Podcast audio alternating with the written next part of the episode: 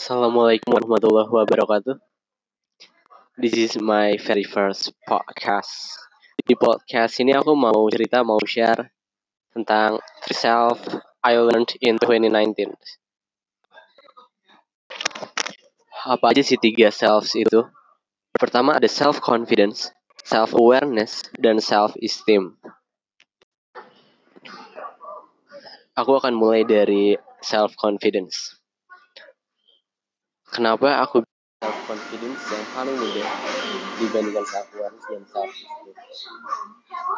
Karena buatku untuk memiliki self confidence tidak lu punya self awareness yang baik dan juga lu punya high self esteem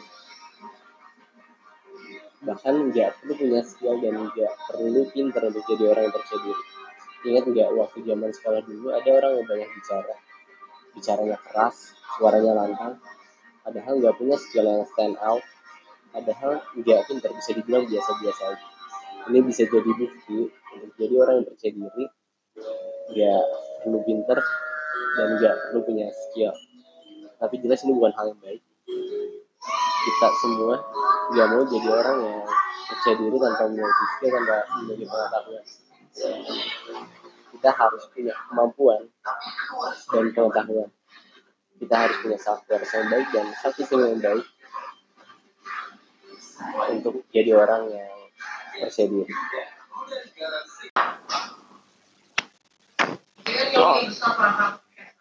Lalu ada self awareness.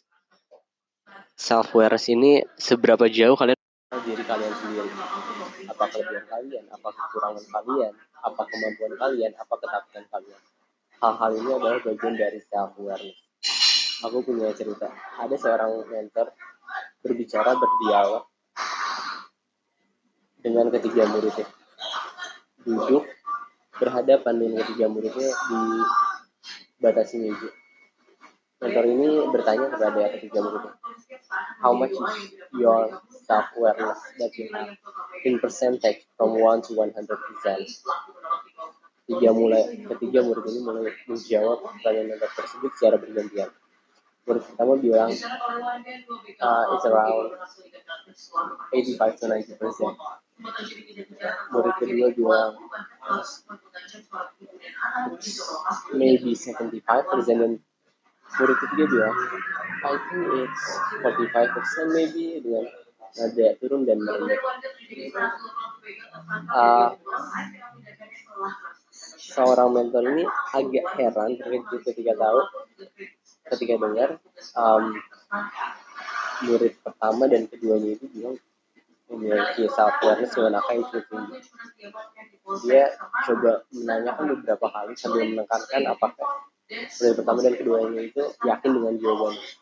Are you sure you have the high of self awareness? Murid pertamanya turun angkanya dari yang tadi 85 sampai 90 persen jadi 75 persen. Terus ditanya lagi, are you sure? Tujuh, uh, turun lagi jawabannya jadi 70 persen. Murid keduanya pun sama, angkanya terus turun ketika ditanya uh, beberapa kali oleh mentor. Lalu mentor ini mulai bercerita saya mempelajari self awareness saya mencari tahu awareness diri saya dan ini butuh waktu butuh proses. Di usia saya yang 40 tahun ini saya sudah percaya diri udah bilang bahwa saya memiliki self awareness 80 sampai 85 persen. Tapi ketika di usia kalian usia ketiga muridnya ini sekitar 20 tahunan. Ketika di usia kalian saya tidak memiliki self awareness setinggi ini. Karena butuh waktu dan proses untuk menjadi self awareness yang baik. Kalian perlu belajar dan mencari tahu tentang diri kalian sendiri. Balik lagi ke ketiga murid ini, jadi kita tahu dari ketiga murid ini mana yang sebenarnya memiliki awareness paling baik. Buatku adalah diri ketiga yang bilang kalau self awareness cuma 45%. Lalu apa yang terjadi dengan kedua murid lain? yang bilang di awal mereka punya awareness yang cukup baik tapi ketika ditanya lagi ditanya lagi angkanya terus terus terus. Mungkin mungkin. Sebenarnya mereka nggak mau awareness yang baik atau bahkan mereka nggak mengerti dan tahu apa itu awareness so self care ini penting buat aku buat kita semua memiliki. Buat kita semua memiliki self worth yang baik ini penting. Untuk kita semua dan untuk mendapatkan worth yang baik ini perlu waktu perlu proses kita perlu belajar mencari tahu dan perlu aware peduli dengan diri kita self yang terakhir adalah self esteem atau simpelnya gengsi, harga diri. Aku bilang self esteem ini yang paling sulit. Cukup banyak orang yang memiliki self confidence percaya diri, memiliki self worth yang baik, tapi nggak punya self esteem yang tinggi. Cukup banyak orang yang percaya diri jadi self yang baik tapi mau melakukan hal-hal yang sebenarnya mereka tidak sukai. Hal-hal yang sebenarnya benar tidak sesuai dengan idealis mereka sedangkan orang-orang yang memiliki self esteem yang tinggi pasti akan berusaha untuk melakukan hal yang mereka inginkan. Melakukan pekerjaan yang mereka inginkan. Yang sesuai dengan idealis mereka. Lalu apa alasannya kenapa banyak orang yang mau melakukan hal-hal melakukan kerjaan yang sebenarnya mereka nggak suka dan nggak sesuai dengan idealis mereka? Biasanya karena uang dan keadaan. Sedangkan orang-orang yang memiliki self esteem yang tinggi mereka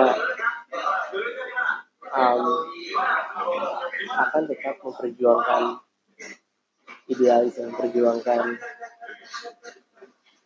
keinginan karena mereka ingin melakukan sesuatu yang dapat mereka lakukan dengan hati.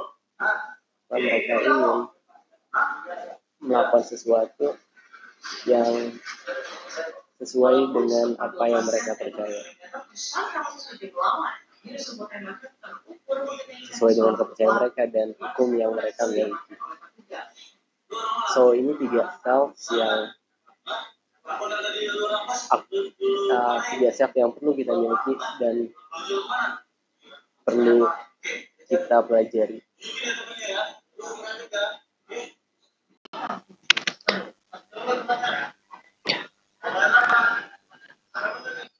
Jadi itu tiga self yang aku pelajari di tahun 2019.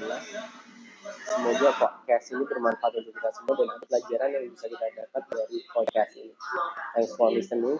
Thank you. Assalamualaikum warahmatullahi wabarakatuh.